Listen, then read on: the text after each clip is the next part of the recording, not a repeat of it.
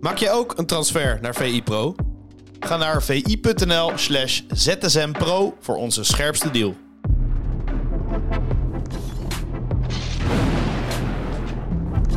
Welkom bij een nieuwe aflevering van VI ZSM. Het is vandaag 5 juli en ik zit hier met Sander Jansen. Goedemorgen. Goedemorgen. En we gaan het laatste voetbalnieuws bespreken. Laten we beginnen met uh, ja, het meest gelezen op uh, VI Pro.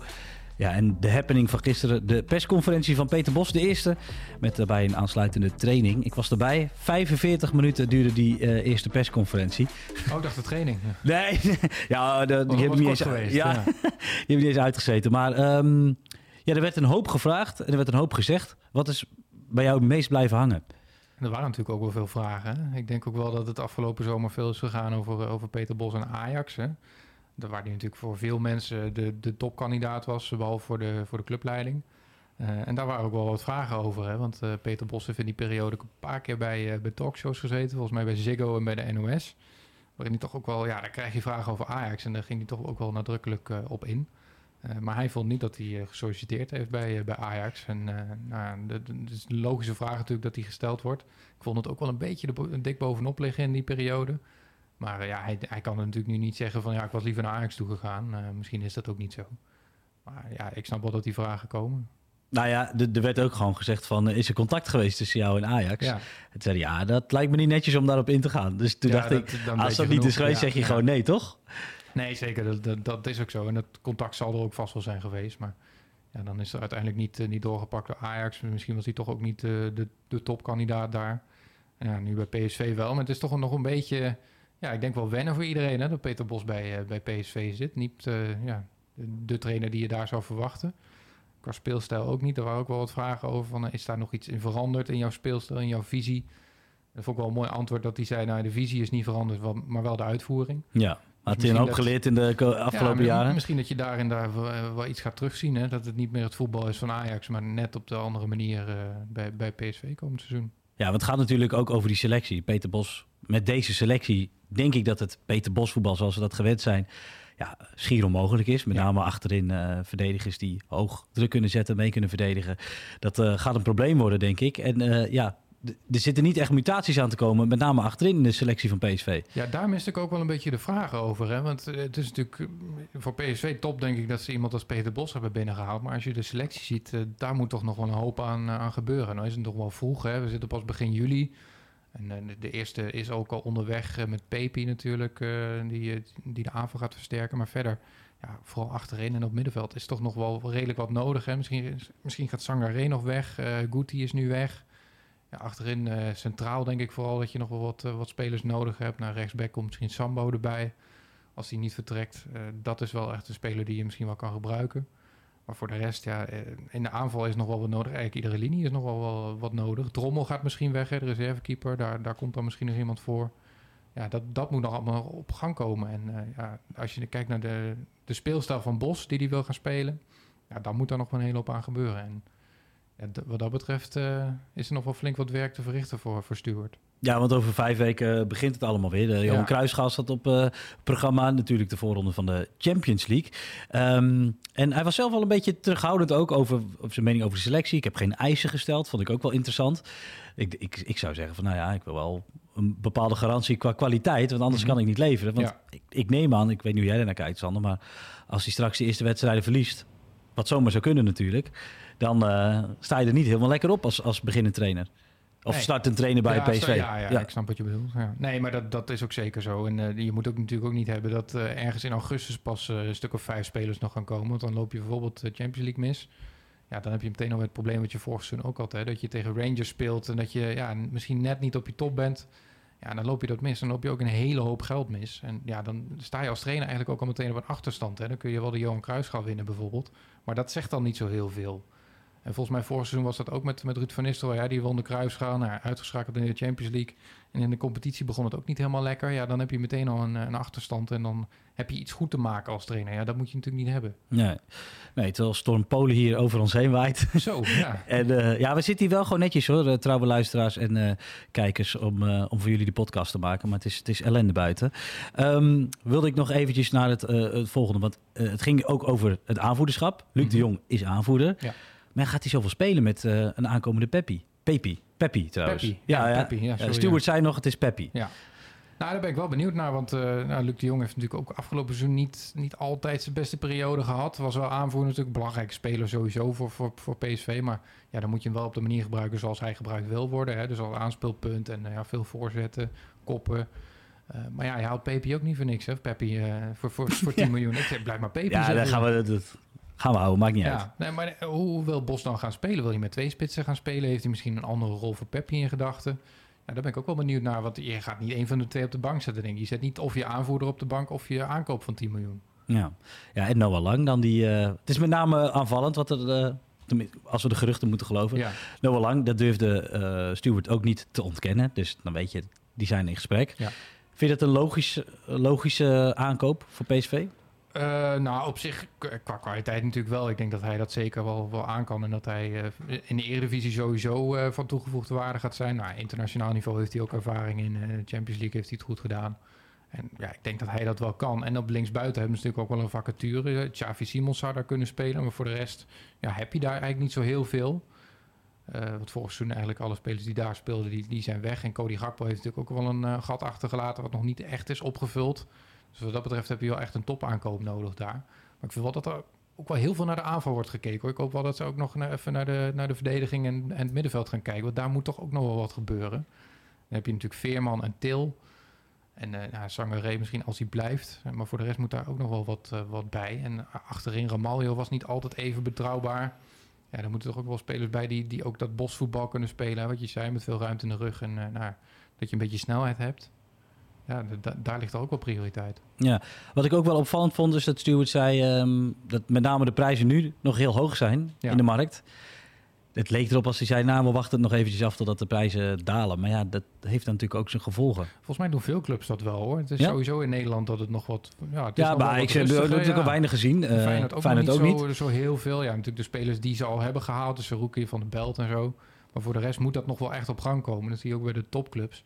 Ja, nu met Mount begint dat een beetje te, te draaien. Chelsea verkoopt heel veel spelers. Maar ja, dat moet dan van, van, van bovenaf gaat dat naar onderen toe. Ja, en dan pas gaat het ook bij de kleinere clubs eh, rollen. Dus eh, als, als Ajax en PSV en Feyenoord iets gaan doen... dan gaan ook de clubs daaronder weer, eh, weer zaken doen. En ja, dat moet nog wel op gang komen. Ja, dat merk je wel dat dat nog niet zo heel, eh, heel erg gebeurt. Zo. Maar er zijn heel veel clubs die, die nog heel weinig hebben gedaan. Nee.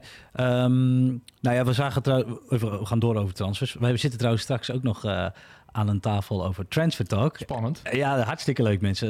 Uh, Salder en Kalou met het droomduo van vandaag. Ehm, en daaronder, daar hebben we onder andere een rubriek die heet eh, Saudi Talk. En eh daar wilde ik met jou even bespreken. Eh, Hakim Ziyech die had een, een, een eh, post geplaatst Ja. van zijn knie. Niks aan de hand. Maar goed, we kunnen natuurlijk niet in die knie kijken. Wat denk je dat hij daar nou mee wilde zeggen? Ja, het kan een beetje twee betekenissen hebben. Het kan natuurlijk betekenen dat hij zegt van de, alle geruchten over mijn knieën met die medische keuring en zo, dat dat onzin is. Of dat hij het op de club richt en eh, zegt van joh, jullie medische keuring eh, deugt niet. Dat zou natuurlijk ook nog kunnen. Ja, daar kun je verder geen conclusies over verbinden. Dan zou je hem zelf moeten spreken. Of zijn zaakwaarnemer. Maar het is natuurlijk wel een apart verhaal eh, wat het nou precies is geweest. Dus Het schijnt ook iets met de financiële kant eh, te, te hebben. Dat was volgens mij bij Brozovic ook al. Ja. Dat, eh, dat Al Nasser ineens hele andere eisen stelde aan die deal. Ja, je weet ook niet precies wat daar dan is gebeurd. Maar dat is wel een beetje apart natuurlijk om dan zaken te doen met dat soort mensen die ineens een, ja, een draai kunnen maken waardoor je een hele andere deal hebt. Ja, daar moet je wel mee om kunnen gaan. En ook als Ziyech zijnde, ja, wat moet je dan als zo'n club in één keer... stel dat ze zeggen van, joh, je gaat 30% salaris minder verdienen dan wat we eerst hadden geschetst. Ja, ga je dat dan doen of niet? Ja, precies. We, we kunnen niet in zijn hoofd kijken. Maar wat, wat wil zo iemand met zo'n foto? Dat, dat snap ik dan niet. ja. Want ik, ik denk, iedereen kan toch Frustratie, begrijpen van, ik, nou ja, dat is, die, die knie ziet er van de buitenkant eh, prima uit. Maar iedereen snapt toch zelf ook wel dat het over de binnenkant van zijn ja, knie gaat. precies. Ja, Maar wat, wat wil hij daar zelf mee? Frustratie, zeg je? Ja, ik denk het misschien dat er, dat er iets in die deal of zo, dat hij gefrustreerd is dat dat weer niet doorgaat. We hebben natuurlijk ook in de winter gehad dat eh, die eh, transfer naar PSG, dat die niet doorging. Dat hij al in Parijs was en dat uiteindelijk toch eh, die deal klapte. Ja, dat is natuurlijk wel heel erg eh, ja, zonde voor hem. En hij wil heel erg graag weg bij Chelsea, dat merk ik ook wel. Dat snap ik ook. Ik bedoel, daar- is heel weinig perspectief voor hem. Ja, als dan weer zo'n deal eh, naar Al Nassr klapt, waarbij je ja, met Ronaldo kan gaan spelen. En toch ook wel flink de pot kan spekken. Ja, als dat dan ook niet doorgaat, dan snap ik wel dat je, dat je zoiets hebt van... joh, eh, zak er allemaal in. En eh, ik, ik post eh, dit op Instagram, ja. Zijn we nou niet, tenminste ik ben ook heel kritisch over, over dat, al die transfers naar Saudi-Arabië. Ik vind het jammer. Maar hebben die gasten dat nou niet gewoon heel slim gedaan door eerst Ronaldo aan te trekken en dan vervolgens te kijken oh, welke speler zou wel graag met Ronaldo willen spelen? Nou, Want jij ik noemt dat nu ja. wel. En inderdaad, van ja, dat, zo'n Ziyech denkt van eh Ziyech. Nou, een jaar geleden toen Ronaldo naar, naar Saudi-Arabië ging, toen hadden wij allemaal nog zoiets van, ja, wat, wat moet hij daar nou gaan doen? Joh? Toen hadden we nog niet echt een idee van wat die ambities eh, zouden zijn van het land. Ja, nu merk je pas wat ze echt van plan zijn. Dat ze dus vier topclubs hebben, die gewoon alle topspelers gaan, gaan kopen. En dat kan dus. Als je heel veel geld hebt, dan is dat gewoon mogelijk. Ja, En ook niet alleen maar eh, ja, gearriveerde, geroutineerde spelers. Hè. Dus ook zo'n uh, Mandi, die gaat er gewoon naartoe. Nou, Ziyech is ook nog niet eh, de oudste. Brozovic, eh, ja, die, die, die, die, die stond in de Champions League finale. Ja, dat is en, en ongelooflijk. Jota nu, die, die van, eh, van Celtic, Oh, ja. die is 24 volgens mij. eh, nou, dat is een prima leeftijd om, eh, om daar naartoe te gaan. Maar normaal gesproken zou je zeggen van als je wil gaan rentenieren ergens in Saudi-Arabië, dan ben je 32 en dan ga je daar eh, nog eventjes eh, nou, twee jaar of zo goed, eh, goed gel- geld scheppen. Maar Ja. Jota doet dat nu gewoon al. Ja, en die topclubs, eh, eh, Barcelona, Real Madrid, eh Bayern München, die, die, die zitten ook wel een beetje in de rat zitten van... met name Brozovic, dat, die, Barcelona wilde hem natuurlijk graag hebben. Ja. Hoe, hoe kijken die naar, naar dat, dat geweld vanuit Saudi-Arabië? Ja, ik denk denk je? dat dat ook wel frustrerend is. Barcelona heeft natuurlijk een tijd gehad dat ze, dat ze iedereen konden kopen. Real Madrid ook. Nou, die merken nu ook een beetje de, de beperkingen wat dat betreft. Zeker Barcelona met spelers die ze ja, gewoon niet kunnen halen omdat ze ze niet kunnen inschrijven. Dus dan kun je wel een speler halen, maar dan kun je hem niet opstellen. Eh, maar die wilde Brozovic ook hebben. Ja, die merken wel dat dat nu dus niet gaat. Dat, dat alles wat zij eh, ja, qua plannen hadden en de dure spelers die ze wilden halen, dat die dus naar Saudi-Arabië gaan en niet naar hen. Ja. Dat is wel pijnlijk natuurlijk. Denk je dat, eh, wat voor invloed heeft, hebben die, die grote transfers naar Saudi-Arabië op de Europese transfermarkt? Nou, misschien dat ze wat, eh, wat meer moeten gaan nadenken over beleid maken. Hè? Dus dat je ook wat, eh, wat meer geld op zak hebt. En eh, nou, wat, wat beter nadenken over FFP. Hè? Dat heb je natuurlijk bij Saudi-Arabië niet, eh, Financial Fair Play. Die hoeven zich eigenlijk nergens zorgen om te maken. Want Nee. Die, ja, die hebben geld zat. En ik denk ook dat, dat de Engelse clubs, daar zit natuurlijk ook wel wat frustratie in. Hè? Er wordt nu ook in Engeland geschreven van, dat het voetbal kapot wordt gemaakt. ja, dat vind ik eerlijk gezegd een beetje onzin. Het is jammer dat die spelers allemaal naar Saudi-Arabië gaan. Maar de Premier League die, die kan dat net zo goed met een eh, Manchester City, eh, met een Newcastle United ook, hè, Saudi-Arabië gesponsord. Ja, die halen ook alle topspelers binnen. Beetje Ja, hypocriet eigenlijk. ja, dus. precies. Ja, dat is, dat is een beetje onzin. Ja. Hey, we blijven nog heel even in Nederland. Of tenminste, nee, we gaan weer terug naar Nederland, moet ik zeggen. Eh neem AZ even onder de loep. Want dat is ook wel interessant. Helemaal als het gaat over uitgaande transfers. Ja, zoals Ja. je net al zei, bij de topclubs in Nederland gaan, hebben we natuurlijk nu te- meer te maken met uitgaande transfers. Reinders, Kerkers en Beukema. Dat is een flinke zak geld eh, wat er wordt Nou opgestreken. ja, als je leest wat voor bedragen daar eh, mee gemoeid zijn, of wat Beuken, maar volgens mij nog wel mee. Maar eh, ja, Kerkers, volgens mij 20 miljoen wordt daar genoemd. En Reiners hetzelfde bedrag. Dat Ja, dat, dat tikt wel lekker aan natuurlijk voor een club als AZ. Hè. Dat is eigenlijk gewoon je, nou, je hele begroting die je in één klap verdient. Misschien nog wel wat meer. En daar kun je wel flink de markt mee op. En AZ heeft het altijd wel voor elkaar om dan ook hele slimme deals voor te bereiden. Hè. Dus nu ook met Casius die ze dan terughalen. Ja, rechtsback. Waarschijnlijk iemand die daar nog weggaat. eh, en eh, ze hebben ook al een Noor volgens mij gehaald die, die eh, Kerkers dan kan vervangen.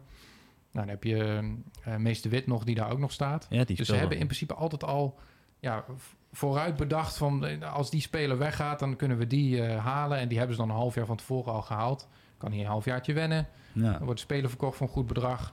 En dan kun je, de- kun je, verder, kun je verder ontwikkelen. En dat doen ze heel slim. Het is toch koffiedik kijken, maar als ik het zo hoor, dan eh, zou er niet een beetje nivellering hebben plaatsgevonden. We hadden natuurlijk eerst over A- Ajax eh, Bayern, of nou ja, de, een gedeelte van de Mhm. voetbalfans Ja, zeiden ja, Ajax Bayern. Maar een het komt zo lekker bij elkaar, denk ik. Hè? Want inderdaad, eh, AZ heeft nu ook wat te verspijkeren. Kunnen ook weer mooie aankopen doen. Ja. Gerichte aankopen, die hebben waarschijnlijk ook hun lijstjes klaarstaan. Wordt hartstikke interessant. Ja, zeker, zeker. En Twente ook. Hè. Die hebben ook eh, twee keer een goede speler verkocht Ah, eh, met Seruki en Czerny. Die kunnen nu ook gaan investeren. Hè. Ik, ik hoor dan wel eens van hoe kan het nou dat zij eh, miljoenen betalen voor Ugalde?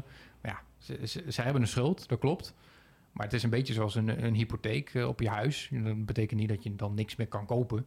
Maar je moet wel die schuld aflossen. Nou, dat is wat Twente ook doet. En dat doen ze heel goed. Want eh, financieel gezien staan ze er heel goed voor.